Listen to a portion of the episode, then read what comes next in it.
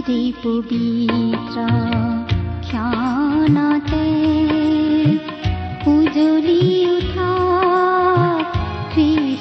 জ্যোতি ভক্তিবচন অনুষ্ঠানৰ আজিৰ এই কাৰ্যসূচীলৈ সাদৰ সম্ভাষণেৰে আপোনাক আদৰিছো প্ৰিয় শ্ৰোতা। প্ৰিয় শ্ৰোতা ভক্তিবচন অনুষ্ঠানৰ আজিৰ এই শিক্ষা শুনিবলৈ আপোনাৰ বহুমূলীয়া সময় খৰচ কৰাৰ বাবে ধন্যবাদ। আপুনি খৰচ কৰা এই সময়খিনিত আপুনি জীৱনৰ এক বিশেষ আশীৰ্বাদ লাভ কৰিব বুলি বিশ্বাস কৰোঁ। আজিৰ এই অনুষ্ঠানে নিশ্চয় আপোনাক জীৱনৰ তৃপ্তি দান কৰিব। এই অনুষ্ঠানৰ শিক্ষাসমূহে আপোনাক আম্মিক আৰু পাৰিবাৰিক সকলো অৱস্থাতে সহায় কৰিব বুলি আশা কৰিছো। আমাৰ বিশ্বাস প্ৰভু যীশুৰ বাণীসমূহে আপোনাক প্ৰচুৰ জীৱনৰ সোৱাদ দিব পাৰে।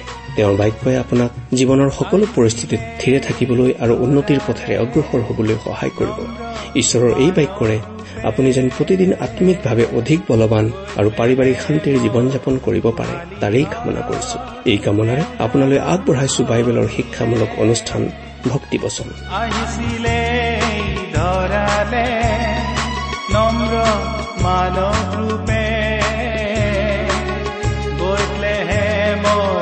গোহালি ঘৰ।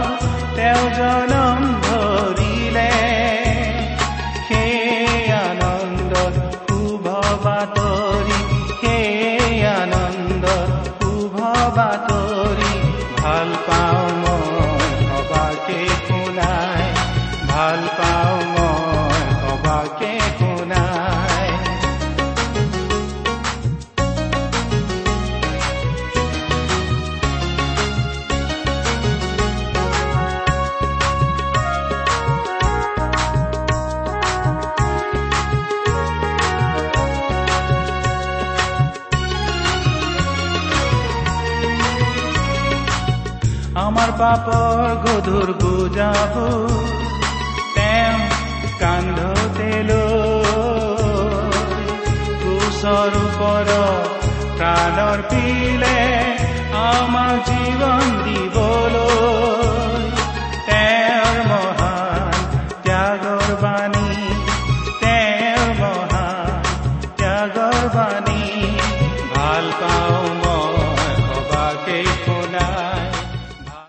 আমাৰ পৰম পবিত্ৰ প্ৰভু যীশুখ্ৰীষ্টৰ নামত নমস্কাৰ প্ৰিয় শ্ৰোতা। আশা কৰো মহান পিতা পৰমেশ্বৰৰ মহান অনুগ্ৰহত আপুনি ভালে কুশলে আছে। আপুনি বাৰু আমাৰ এই ভক্তিবচন অনুষ্ঠানটো নিয়মিতভাৱে শুনি আছেনে? শুনি কেনে পাইছে আমালৈ চিঠি লিখি জনাবচোন। আহকচোন আজিৰ বাইবেল অধ্যয়ন আৰম্ভ কৰাৰ আগতে খন্তেক প্ৰাৰ্থনাত মূৰ দুৱাওঁ। স্বৰ্গত থকা অসীম দয়ালু পিতৃ ঈশ্বৰ তোমাৰ মহান নামৰ ধন্যবাদ কৰো। তুমি সৰ্বশক্তিমান সৰ্বব্যাপী সৰ্বজ্ঞানী ঈশ্বৰ হৈও আমাৰ দৰে ক্ষুদ্ৰ মানৱক যে ইমান প্ৰেম কৰা সেই কথা ভাবিলেই আচৰিত হওঁ। তুমি আমাক ইমানেই প্ৰেম কৰিলা যে আমাক পৰিত্ৰাণ দিবলৈ তুমি তোমাৰ একেজাত পুত্ৰ যীশুখ্ৰীষ্টকেই আমালৈ দান কৰিলা। তেওঁ ক্ৰুচত নিজৰ পবিত্ৰ তেজেৰে আমাৰ পাপৰ প্ৰাচিত্য কৰিলে। আজি তেওঁত বিশ্বাস কৰি আমি অনন্ত জীৱন লাভ কৰি তোমাক পিতৃ বুলি মাতিব পৰা হৈছো। তাৰ বাবে তোমাক অশেষ ধন্যবাদ পিতা। এতিয়া আমি তোমাৰ মহান বাক্য বাইবেল শাস্ত্ৰ অধ্যয়ন কৰিবলৈ ওলাইছো প্ৰাৰ্থনা কৰিছো। তোমাৰ বাক্য তুমিয়েই আমাক বুজাই দিয়া। এই অনুষ্ঠান শুনি থকা আমাৰ মৰমৰ শ্ৰোতাসকলক তুমি উপচি পৰাকৈ আশীৰ্বাদ কৰা। কিয়নো এই প্ৰাৰ্থনা আমাৰ মহান ত্ৰাণকৰ্তা মৃত্যুঞ্জয় প্ৰভু যীশুখ্ৰীষ্টৰ নামত আগবঢ়াইছো। আমেন।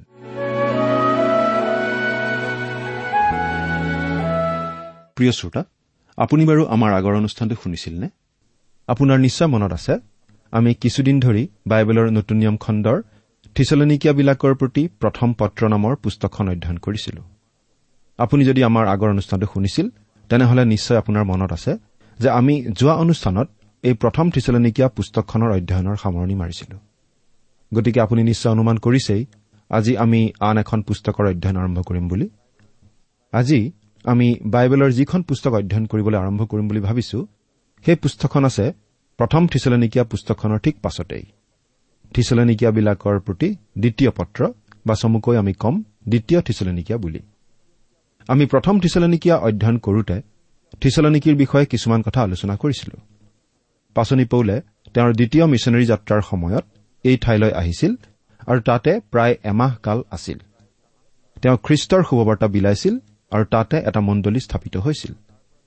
কিন্তু তেওঁ তাৰ পৰা গুচি আহিব লগা হৈছিল খুব দৌৰা দৌৰিকৈ পাছত তিমঠিয় আৰু চিলৰ পৰা তেওঁ থিচলেনিকীয়া বিশ্বাসীসকলৰ খবৰ বাতৰি পাইছিল। তেওঁলোকে কিছুমান প্ৰশ্ন সুধি পঠিয়াইছিল। সেই প্ৰশ্নৰ উত্তৰ দি পাচনি পৌলে প্ৰথমতে যিখন চিঠি লিখিছিল সেইখনেই হ'ল প্ৰথম থিচলেনিকীয়া সেই প্ৰথমখন চিঠি লিখাৰ কিছুদিন পাছতেই বাৱন নে তেৱন খ্ৰীষ্টাব্দত এই দ্বিতীয়খন চিঠি পাচনি পৌলে লিখিছিল থিচলনিকীয়া খ্ৰীষ্টীয় বিশ্বাসীসকলৰ প্ৰতি। পাচনি পৌলে থিচলনিকীয়া লোকসকললৈ প্ৰথমখন চিঠি লিখাৰ সময়ত তেওঁলোক আছিল আম্মিকভাৱে কেঁচুৱা। কাৰণ খ্ৰীষ্টক বিশ্বাস কৰা বেছিদিন হোৱা নাছিল। এই দ্বিতীয় পত্ৰখন লিখাৰ সময়তো থিচলনিকীয়া বিশ্বাসীসকল আম্মিকভাৱে কেঁচুৱা হৈয়ে আছিল।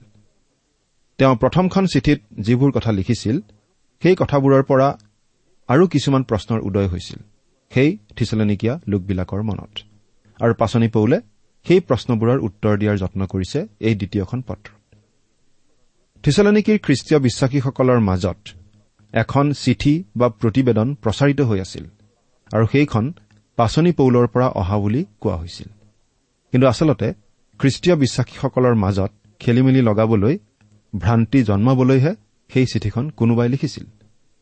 সেই চিঠিখনত লিখা আছিল যে খ্ৰীষ্টৰ পুনৰ আগমন হৈ গ'ল আৰু খ্ৰীষ্টই তেওঁৰ বিশ্বাসী লোকসকলক ইতিমধ্যেই পৃথিৱীৰ পৰা উঠাই লৈ গ'ল। পৃথিৱীত তেতিয়া মহাক্লেশৰ দিন চলি আছে। প্ৰভুৰ দিনৰ সূচনা হৈছে। সেই মতবাদ কোনো লোকে এই খ্ৰীষ্টীয় বিশ্বাসীসকলৰ মাজত বিয়পাই দিব বিচাৰিছিল। আমি ইতিমধ্যে প্ৰথম থিচলনিকীয়া পুস্তকত পঢ়ি আহিছো যে এই থিচলনিকীয়া বিশ্বাসীসকলে নানা ধৰণৰ দুখ ক্লেশ তাৰণা সহ্য কৰিব লগা হৈছিল। তেওঁলোক খ্ৰীষ্টীয় বিশ্বাসী হোৱা কাৰণে। তেওঁলোকে এনেধৰণৰ অত্যাচাৰৰ সন্মুখীন হ'ব লগা হৈছিল। যিহেতু তেওঁলোকে এই অত্যাচাৰবোৰ সহ্য কৰি থাকিব লগা পৰিস্থিতি হৈছিল। গতিকে পৃথিৱীত মহাক্লেশৰ আৰম্ভণি হলেই বুলি তেওঁলোকক বিভ্ৰান্ত কৰোৱা সহজ হৈছিল। তেওঁলোকক এনে এটা ধাৰণা দিবলৈ চেষ্টা কৰা হৈছিল যে খ্ৰীষ্টৰ পুনৰগমন হৈ গ'ল আৰু কেৱল খ্ৰীষ্টৰ আশ্ৰয়ত নিদ্ৰিত হোৱা লোকসকলেই নহয় জীৱিত অৱস্থাত থকা খ্ৰীষ্টীয় বিশ্বাসীসকলো খ্ৰীষ্টৰ দ্বাৰা এই পৃথিৱীৰ পৰা উত্তোলিত হোৱাৰ সুবিধাৰ পৰা বঞ্চিত হ'ল। এইটো নিশ্চয় খুব হতাশজনক কথা হৈছিল। সেই খ্ৰীষ্টীয় বিশ্বাসীসকলৰ কাৰণে। তেওঁলোকৰ মনৰ শংকা দূৰ কৰিবলৈকে এই চিঠিখন পাচনি পৌলে লিখিছিল। তেওঁ অতি স্পষ্টকৈ জনাই দিছিল যে আমাৰ প্ৰভু যীশুখ্ৰীষ্টৰ আগমন আৰু তেওঁৰ ওচৰত আমাৰ গোট খোৱা কামটো তেতিয়ালৈকে ঘটা নাছিল। ভৱিষ্যতেহে ঘটিব আৰু প্ৰভুৰ দিন আৰম্ভ হোৱাৰ আগতে কিছুমান লক্ষণ বা চিন প্ৰকাশ পাব লাগিব। কাৰণ প্ৰথমতে ধৰ্ম পৰিত্যাগ আৰু বিনাশৰ পুত্ৰ সেই পাপ পুৰুষ প্ৰকাশিত হ'ব লাগিব। তাৰ পাছতহে প্ৰভুৰ দিনৰ সূত্ৰপাত হ'ব। গতিকে তেওঁলোকে যে মহাক্লেশৰ দিনত প্ৰৱেশ কৰা নাই সেই বিষয়ে নিশ্চিত হৈ থাকিব পাৰে। পাচনি পৌলে কৈছে যে নিজকে খ্ৰীষ্টিয়ান বুলি চিনাকি দিয়া মণ্ডলীৰ বাহ্যিক অনুষ্ঠানসমূহ সম্পূৰ্ণ বিশ্বাসহীন হৈ পৰিব। খ্ৰীষ্টিয়ান সমাজতেই অনেকে বিশ্বাস ত্যাগ কৰিব। এই বিষয়ে প্ৰভু যীশুখ্ৰীষ্টই কৈছিল। যেতিয়া মানুহৰ পুত্ৰ আহিব তেতিয়া পৃথিৱীত বিশ্বাস পাবনে? লোক ওঠৰ অধ্যায় আঠ পদ। ইয়াত যিধৰণে প্ৰশ্নটো কৰা হৈছে আচলতে পৃথিৱীত বিশ্বাস পোৱা নাযাব বুলিয়েই কোৱা হৈছে। অৰ্থাৎ প্ৰভু যীশুৱে এই কথা কৈ গৈছিল যে তেওঁ যেতিয়া আকৌ এই পৃথিৱীলৈ আহিব তেওঁ এই পৃথিৱীত বিশ্বাস নাপাব। আনুষ্ঠানিক মণ্ডলী সম্পূৰ্ণ বিশ্বাসহীন হৈ পৰিব। এই কথাটো প্ৰকাশিত বাক্য নামৰ বাইবেলৰ শেষ পুস্তকখনত আকৌ স্পষ্ট কৰি দিয়া হৈছে। তাৰ চতুৰ্থ অধ্যায়ত আমি পাওঁ যে প্ৰকৃত খ্ৰীষ্টীয় বিশ্বাসীসকলক পৃথিৱীৰ পৰা তুলি নিয়া হ'ব আৰু পৃথিৱীত থাকি যাব এটা ফোপোলা অনুষ্ঠান মাত্ৰ। যি অনুষ্ঠান ভক্তিৰ আকাৰধাৰী কিন্তু তাৰ শক্তি অস্বীকাৰকাৰী হ'ব। সেই অনুষ্ঠানটোৱে হৈছে আমি প্ৰকাশিত বাক্যৰ সোতৰ নম্বৰ অধ্যায়ত পোৱা মহাবেশ্যাগৰাকী। নামধাৰী খ্ৰীষ্টিয়ানৰ এনে এটা শোচনীয় অৱস্থাকেই বাইবেলত চিত্ৰিত কৰা হৈছে। আমাৰ মাজত আজিও অনেক লোক আছে যিসকলে আনৰ আগত নিজকে খ্ৰীষ্টিয়ান বুলি চিনাকি দিয়ে কিন্তু প্ৰকৃততে তেওঁলোকে যীশুখ্ৰীষ্টক নিজৰ ত্ৰাণকৰ্তা আৰু প্ৰভু বুলি গ্ৰহণ কৰাই নাই। এনেকুৱা লোকৰ সংখ্যা দিনে দিনে বাঢ়ি যাব আৰু প্ৰভু যীশুৰ দ্বিতীয় আগমনৰ সময়ত খ্ৰীষ্টীয় মণ্ডলী এনেকুৱা নামধাৰী খ্ৰীষ্টিয়ানেৰেই ভৰি পৰিব। আৰু তাৰ ঠিক আগে আগে প্ৰকৃত খ্ৰীষ্টীয় বিশ্বাসীসকলক এই পৃথিৱীৰ পৰা প্ৰভু যীশুৱে উঠাই লৈ যাব। থিচলেনিকিৰ খ্ৰীষ্টীয় বিশ্বাসীসকলে ভাবিছিল যে তেওঁলোকে ইতিমধ্যেই মহাক্লেশৰ দিনত প্ৰৱেশ কৰিছে।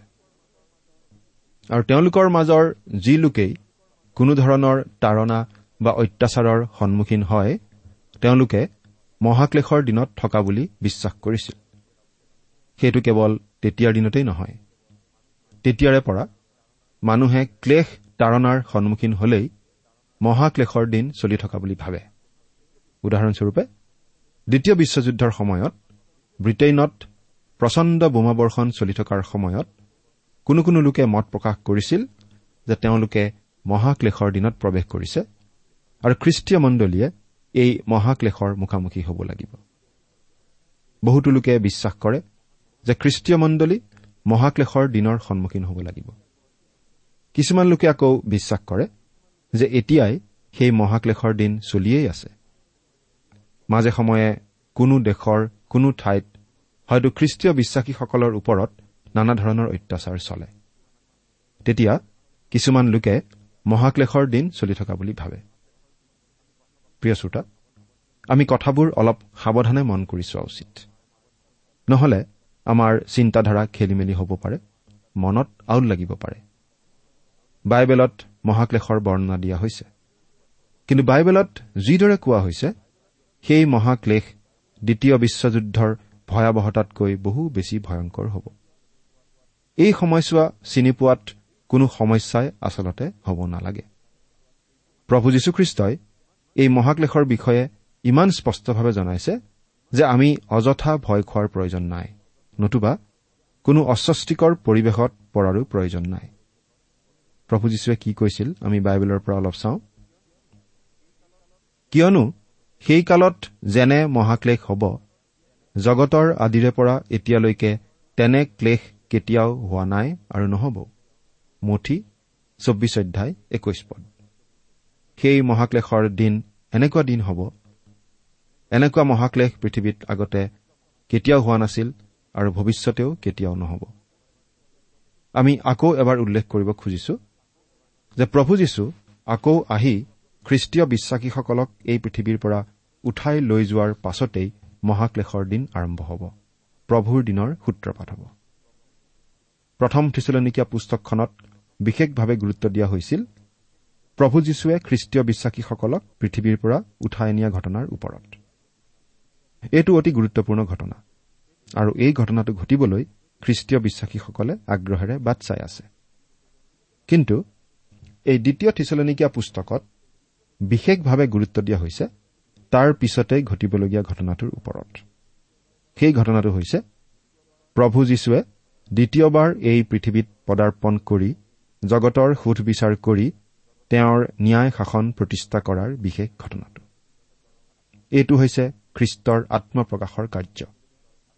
খ্ৰীষ্টই মণ্ডলীক উঠাই নিয়া কাৰ্যটোত তেওঁ পৃথিৱীলৈ অহা কথাটোত গুৰুত্ব দিয়া হোৱা নাই। কাৰণ সেই সময়ত আচলতে তেওঁ মাটিত ভৰি নিদিয়েহি। প্ৰভু যীশুক আমি খ্ৰীষ্টীয় বিশ্বাসীসকলে আকাশতহে লগ ধৰিমগৈ। বাইবেলৰ পৰা পঢ়ি দিছো। পাছে আমি জীৱিত থকা অৱশিষ্ট লোকবিলাকে আকাশত প্ৰভুৰ লগ ল'বলৈ তেওঁবিলাকে সৈতে মেঘ ৰথত তুলি নিয়া হ'ম। প্ৰথম থিচলেনিকীয়া চাৰি অধ্যায় সোতৰ পদ। তুলি নিয়া শব্দটোৰ মূল গ্ৰীক শব্দটো হৈছে হাৰ্পাজ। আৰু হাৰ্পজ শব্দৰ অৰ্থ হৈছে থাপ মাৰি লৈ যোৱা বা উঠাই লৈ যোৱা। আমাক অৰ্থাৎ খ্ৰীষ্টীয় বিশ্বাসীসকলক পৃথিৱীৰ পৰা উঠাই লৈ যোৱা হ'ব যাতে আমি আকাশত গৈ প্ৰভু যীশুৰ লগ ল'ব পাৰোঁ। কিন্তু প্ৰভু যীশুৱে যেতিয়া আত্মপ্ৰকাশ কৰিব তেওঁ এই পৃথিৱীত আহিব সকলোৱে দেখাকৈ। এই পৃথিৱীত তেওঁৰ ন্যায় শাসন প্ৰতিষ্ঠা কৰিবলৈ। আৰু দুয়োটা ঘটনাৰ মাজৰ সময়ছোৱাই হৈছে মহাক্লেশৰ সময়। অৰ্থাৎ খ্ৰীষ্টীয় বিশ্বাসীসকলক পৃথিৱীৰ পৰা তুলি নিয়াৰ লগে লগেই পৃথিৱীত মহাক্লেশৰ আৰম্ভণি হ'ব আৰু প্ৰভু যীশুৱে এই পৃথিৱীত আকৌ পদাৰ্পণ কৰাৰ লগে লগে সেই মহাক্লেশৰ সামৰণি পৰিব। আমি প্ৰথম থিচলনিকীয়া পুস্তকখন অধ্যয়ন কৰোতে এই কথা উল্লেখ কৰিছিলো যে মণ্ডলীক পৃথিৱীৰ পৰা তুলি নিয়া ঘটনাটো বাইবেলৰ পুৰণি নিয়মৰ বিষয়বস্তু নাছিল। এই কথাটো পুৰণি নিয়মত শিকোৱা আমি দেখিবলৈ নাপাওঁ। পুৰণি নিয়মৰ দিনৰ সাধুসকলৰ আশা আছিল জাগতিক আশা। তেওঁলোকে আশাৰে বাট চাই আছিল তেওঁলোকৰ মচীহৰ আগমনলৈ। মচীহ এই পৃথিৱীলৈ আহি এই পৃথিৱীত তেওঁৰ ৰাজ্য স্থাপন কৰিব এইটোৱে আছিল তেওঁলোকৰ আশা। তেওঁলোকৰ সেই আশা আছিল সেই ৰাজ্যৰ প্ৰতি যিখন হ'ব এই পৃথিৱীত স্বৰ্গ। আচলতে স্বৰ্গৰাজ্য মানে এই পৃথিৱীত স্বৰ্গই ৰাজত্ব কৰা বুজা যায়। এনে এখন ৰাজ্যৰ আশা তেওঁলোকে কৰি আছিল। এদিন মচীহ আহিব আৰু এনে এখন ৰাজ্যৰ প্ৰতিষ্ঠা কৰিব বুলি পুৰণি নিয়মৰ দিনৰ সাধুসকলে আশা কৰি আছিল। আৰু সেই মচীহই হৈছে খ্ৰীষ্ট। তেওঁ এদিন আহিব আৰু এই পৃথিৱীত তেওঁৰ ন্যায় শাসন প্ৰতিষ্ঠা কৰিব। পুৰণি নিয়মৰ দিনৰ সাধুসকলৰ আশা সেইদিনাহে ফলিয়াব। এই দ্বিতীয় থিচলনিকীয়া পুস্তকখনৰ বিষয়বস্তুখিনি প্ৰধানকৈ তিনিটা ভাগত ভগোৱা হৈছে। প্ৰথমতে আমি পঢ়িবলৈ পাওঁ বৰ্তমান অৱস্থাত খ্ৰীষ্টীয় বিশ্বাসীসকলৰ ক্লেশ তাৰণা ভৱিষ্যতে হ'বলগীয়া অবিশ্বাসীসকলৰ বিচাৰ। যিটো ঘটিব খ্ৰীষ্টৰ আগমনৰ পাছত। এইখিনি আমি পাওঁ প্ৰথম অধ্যায় একৰ পৰা বাৰ নম্বৰ পদলৈকে। দ্বিতীয়টো বিষয় হৈছে খ্ৰীষ্টৰ পুনৰ আগমনৰ পটভূমিত জগতৰ বাবে কাৰ্যসূচী। এইখিনি আমি পাওঁ দ্বিতীয় অধ্যায় একৰ পৰা বাৰ পদলৈকে। আৰু তৃতীয় মূল বিষয়টো হৈছে খ্ৰীষ্টৰ পুনৰ আগমনৰ ব্যৱহাৰিক দিশ। আৰু এই কথাখিনি আমি পঢ়িবলৈ পাওঁ দ্বিতীয় অধ্যায় তেৰ নম্বৰ পদৰ পৰা তৃতীয় অধ্যায় ওঠৰ পদলৈকে।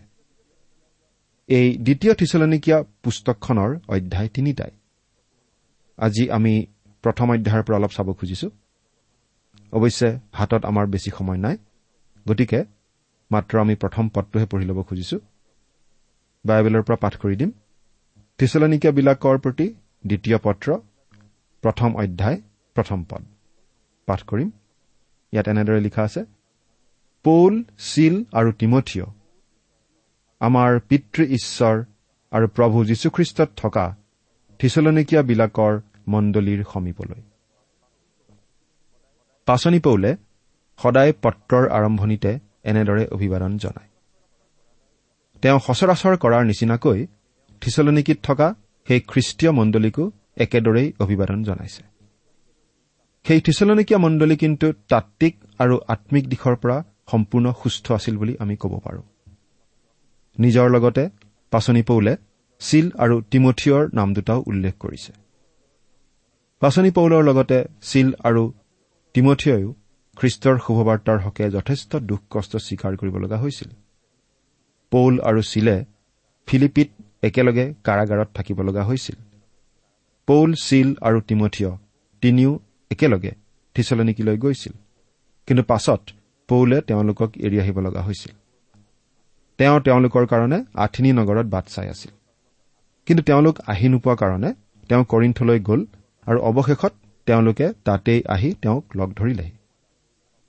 সেই সময়তে পাচনি পৌলে থিচলনিকীয়া খ্ৰীষ্টীয় বিশ্বাসীসকললৈ বুলি প্ৰথমখন চিঠি লিখিছিল। তেওঁ এৰি অহাৰ পাছত থিচলনিকীয়া লোকবিলাকৰ মাজত কিছুমান প্ৰশ্নৰ উদয় হৈছিল আৰু সেই প্ৰশ্নৰ উত্তৰ দিবলৈ বুলি তেওঁ সেই প্ৰথম পত্ৰখন লিখিছিল। এই কথা আমি আগতে কেইবাবাৰ উল্লেখ কৰি আহিছো। এতিয়া এই দ্বিতীয়খন চিঠি লিখিবৰ সময়ত পৌলে নিজৰ লগতে চিল আৰু তিমঠিয়ৰ নাম দুটাও সাঙুৰি দিছে। তেওঁলোক দুয়ো পৌলৰ সহকৰ্মী আছিল। কেৱল তিমঠিয় আৰু চিলেই নহয় পাচনি পৌলে সুবিধা বুজি আন বহুতো লোকৰ নাম তেওঁ লিখা বিভিন্ন পত্ৰসমূহত উল্লেখ কৰি অহা আমি দেখিবলৈ পাওঁ। এই মানুহবোৰৰ নাম পৌলে উল্লেখ নকৰা হলে আমি হয়তো আজি তেওঁলোকৰ নামেই নুশুনিলোহেঁতেন। গতিকে ইয়াৰ মাজেৰে আমি পৌলৰ চৰিত্ৰৰ খুব ভাল দিশ এটা দেখা পাওঁ। এসময়ত পৌল আছিল এজন উগ্ৰ গোড়া অত্যুৎসাহী বিধান পণ্ডিত। কিন্তু খ্ৰীষ্টক গ্ৰহণ কৰাৰ পাছত তেওঁ হৈ পৰিছিল নম্ৰ। যীশুখ্ৰীষ্টৰ অতি নম্ৰ অনুগামী। তেওঁৰ দাস আৰু শুভবাৰ্তা ঘোষণা কৰা পাচনি। আমাৰ পিতৃ ঈশ্বৰ আৰু প্ৰভু যীশুখ্ৰীষ্টত থকা থিচলনিকীয়াবিলাকৰ মণ্ডলীৰ সমীপলৈ। পাচনি পৌলে ইয়াত পবিত্ৰ আত্মাৰ নামটো কিন্তু উল্লেখ কৰা নাই। আমি ভাবো তেওঁ পবিত্ৰ আত্মাৰ নামটো উল্লেখ কৰা নাই কাৰণ পবিত্ৰ আত্মা ত্ৰিচলনিকীয়া মণ্ডলীতেই আছিল বিশ্বাসীসকলত নিবাস কৰি। তেওঁলোকত নিবাস কৰা পবিত্ৰ আত্মাই তেওঁলোকক খ্ৰীষ্টীয় জীৱন যাপন কৰাত সহায় কৰিছিল। ঈশ্বৰে যি আমন্ত্ৰণেৰে আমন্ত্ৰণ কৰিছে সেই আমন্ত্ৰণৰ যোগ্য আচৰণ কৰাত সহায় কৰিছিল। অৱশ্যে তেওঁলোকৰ যি স্থিতি বা অৱস্থান সেই স্থিতি বা অৱস্থান আছিল পিতৃ ঈশ্বৰ আৰু প্ৰভু যীশুখ্ৰীষ্টত। অৰ্থাৎ আমি এটা কথা বুজি পাওঁ যে পৌলে খ্ৰীষ্টৰ ঐশ্বৰিকতাৰ কথা শিকাইছিল। যীশুখ্ৰীষ্টই যে ঈশ্বৰৰ সন্তান সেই বিষয়ে পৌলৰ মনত কোনো ধৰণৰ সন্দেহ নাছিল। পাচনি পৌলে এই চিঠিখন লিখিছিল থিচলেনিকিত থকা স্থানীয় মণ্ডলীলৈ। থিচলেনিকিৰ বিশেষ স্থানীয় পটভূমিৰ কথা মনত ৰাখি পাচনি পৌলে এই চিঠিখন লিখিছিল। তথাপিও এই চিঠিখনত লিখা সকলোখিনি কথা আমাৰ বাবে অতি গুৰুত্বপূৰ্ণ। এই চিঠিখনৰ পৰা শিকিব লগা আমাৰ অনেক কথা আছে। থিচলনিকিৰ মণ্ডলী আছিল পিতৃ ঈশ্বৰ আৰু প্ৰভু যীশুখ্ৰীষ্টত। সেয়েই আছিল তেওঁলোকৰ স্থিতি। সেয়েই আছিল তেওঁলোকৰ খোপনি।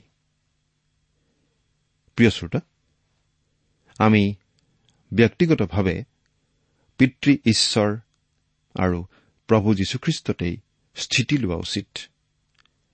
পিতৃ ঈশ্বৰ আৰু প্ৰভু যীশুখ্ৰীষ্টতেই খোপনি লোৱা উচিত। পিতৃ ঈশ্বৰ আৰু প্ৰভু যীশুখ্ৰীষ্টই আমাৰ বিশ্বাসৰ ভেটি হোৱা উচিত। আৰু মণ্ডলী হিচাপেও সামূহিকভাৱে সমজুৱাভাৱে আমাৰ স্থিতি হোৱা উচিত প্ৰভু যীশুখ্ৰীষ্ট আৰু পিতৃ ঈশ্বৰ। এই কথা প্ৰতিটো খ্ৰীষ্টীয় মণ্ডলীয়ে আজি মনত ৰখা উচিত। প্ৰতিজন খ্ৰীষ্টীয় বিশ্বাসীয়েই মনত ৰখা উচিত। এইখিনিতে প্ৰভু যীশুৱে কোৱা কথা আমি মনত পেলাব খুজিছো। প্ৰভু যীশুৱে এনেদৰে কৈছিল পাঠ কৰি দিছো মোৰ মেৰবিলাকে হলে মোৰ মাত শুনে। ময়ো সেইবিলাকক জানো আৰু সেইবিলাক মোৰ পাছে পাছে আহে। আৰু মই সেইবিলাকক অনন্ত জীৱন দিওঁ। তাতে সেইবিলাক কেতিয়াও নষ্ট নহ'ব। আৰু কোনেও মোৰ হাতৰ পৰা সেইবিলাকক কাঢ়ি নল'ব। মোৰ পিতৃ যিজনাই সেইবিলাকক মোক দিলে তেওঁ সকলোতকৈ মহান। সেই পিতৃৰ হাতৰ পৰা কোনেও কাঢ়ি ল'ব নোৱাৰে। মই আৰু সেই পিতৃ এক। জোহনে লিখা শুভবাৰ্তা দহ নম্বৰ অধ্যায়ৰ সাতাইছ নম্বৰ পদৰ পৰা ত্ৰিশ নম্বৰ পদলৈকে আমি এনেদৰে পাওঁ। প্ৰভু যীশুখ্ৰীষ্ট ঈশ্বৰৰ পুত্ৰ আৰু নিজেও ঈশ্বৰ। তেওঁই আমাক অনন্ত জীৱন দিব পাৰে। তেওঁত আশ্ৰয় ললে আমাক আৰু কোনেও তেওঁৰ হাতৰ পৰা কাঢ়ি নিব নোৱাৰে। এই কথা তেওঁই ঘোষণা কৰিছে। আমি তেওঁতেই স্থিতি ল'ব লাগে। দ্বিতীয় থিচলনিকীয়া পুস্তকৰ এই প্ৰথম পদটোত আমি তৃত্ব ঈশ্বৰৰ দুই ব্যক্তি পিতৃ ঈশ্বৰ আৰু পুত্ৰ যীশুখ্ৰীষ্ট ঈশ্বৰৰ উল্লেখ পালো। প্ৰতিজন খ্ৰীষ্টীয় বিশ্বাসীৰ স্থিতি হ'ব লাগে ঈশ্বৰতেই। প্ৰিয় শ্ৰোতা আমাৰ মণ্ডলীৰ নাম কি? সেইটো প্ৰয়োজনীয় কথা নহয়। সেইটো গুৰুত্বপূৰ্ণ কথা নহয়। কিন্তু আমি ত্ৰাণকৰ্তা প্ৰভু যীশুখ্ৰীষ্টত স্থিতি লৈছো নে নাই? খোপনি লৈছো নে নাই? সেইটোহে আচল কথা। সেইটোহে গুৰুত্বপূৰ্ণ কথা। আমাৰ মণ্ডলী খ্ৰীষ্টত স্থিতিলৈ আছেনে নাই সেইটোহে প্ৰয়োজনীয় প্ৰশ্ন। প্ৰতিজন প্ৰকৃত খ্ৰীষ্টীয় বিশ্বাসীতেই পবিত্ৰ আত্মা ঈশ্বৰে নিবাস কৰে। আৰু পবিত্ৰ আত্মা ঈশ্বৰৰ শক্তিৰেহে খ্ৰীষ্টীয় বিশ্বাসীসকলে নিজৰ নিজৰ ঠাইত খ্ৰীষ্টক প্ৰকাশ কৰিব পাৰে। নিজৰ পৰিয়াল নিজৰ চুবুৰী নিজৰ সম্প্ৰদায় নিজৰ চহৰ নিজৰ ৰাজ্য নিজৰ দেশ আৰু এই পৃথিৱীত প্ৰভু যীশুখ্ৰীষ্টক প্ৰকাশ কৰিব পাৰে। নিজৰ শক্তি সামৰ্থ্যেৰে আমি কোনেও সেই কাম কৰিব নোৱাৰো। প্ৰভু যীশুক গ্ৰহণ কৰাৰ লগে লগেই আমি লাভ কৰো পবিত্ৰ আত্মা আৰু সেই পবিত্ৰ আত্মা ঈশ্বৰেই আমাৰ হৃদয়ত নিবাস কৰি সফল খ্ৰীষ্টীয় জীৱন যাপন কৰাত আমাক সহায় কৰে।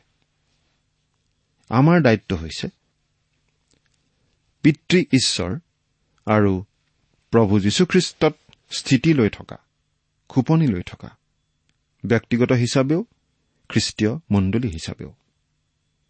প্ৰিয় শ্ৰোতা আমাৰ আলোচনা আজি আমি ইমানতেই সামৰিব খুজিছো কিন্তু শেষ কৰাৰ আগতে এটা প্ৰশ্ন কৰিব খুজিছো। আপোনাৰ বাৰু স্থিতি কি? আপুনি প্ৰভু যীশুত দৃঢ় খোপনি লৈ আছেনে?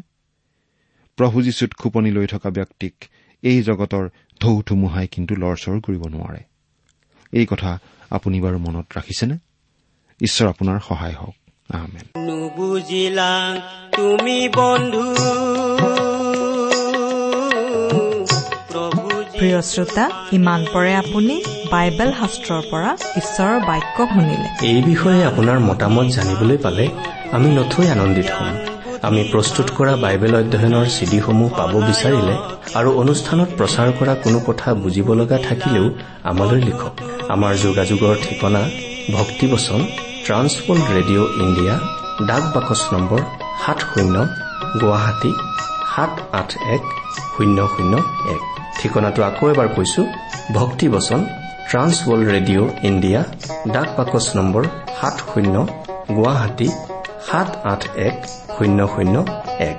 প্ৰভু যীশু আহিছিল এই পৃথিৱীলৈ। পাপী মানুহক পাপৰ পৰা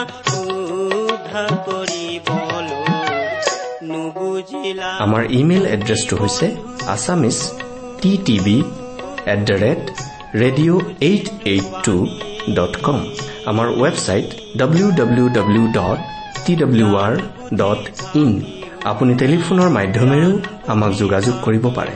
আমাৰ টেলিফোন নম্বৰটো হৈছে nine eight five four zero' four zero' eight eight nine phone নম্বৰটো আকৌ এবাৰ কৈছো ন আঠ পাঁচ চাৰি শূন্য চাৰি শূন্য আঠ আঠ ন। আপুনি এই ভক্তিবচন অনুষ্ঠানটি আমাৰ website W W W dot radio' eight eight two dot কমতো শুনিব পাৰিব। আজিৰ অনুষ্ঠানটি ইমানতেই সামৰিছো। ঈশ্বৰৰ শান্তি আৰু অনুগ্ৰহ আপোনাৰ লগত থাকক। ধন্যবাদ। বন্ধু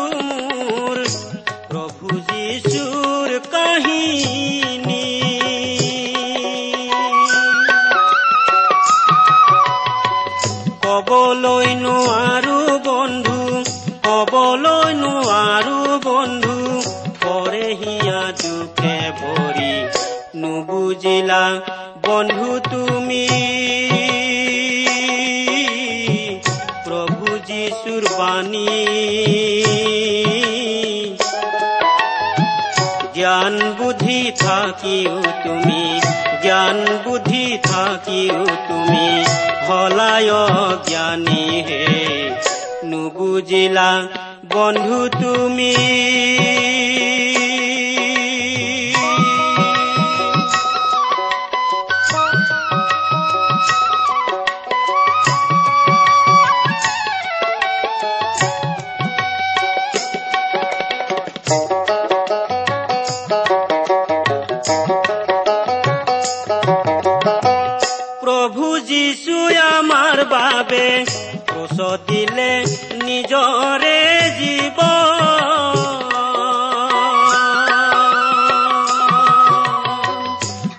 যে যাতনা ভুঞ্জিলে।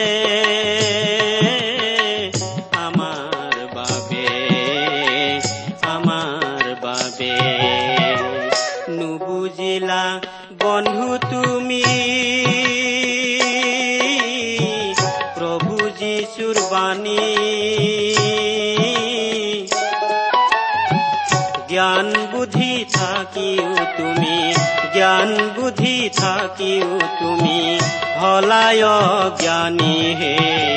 নুবুজিলা বন্ধু তুমি।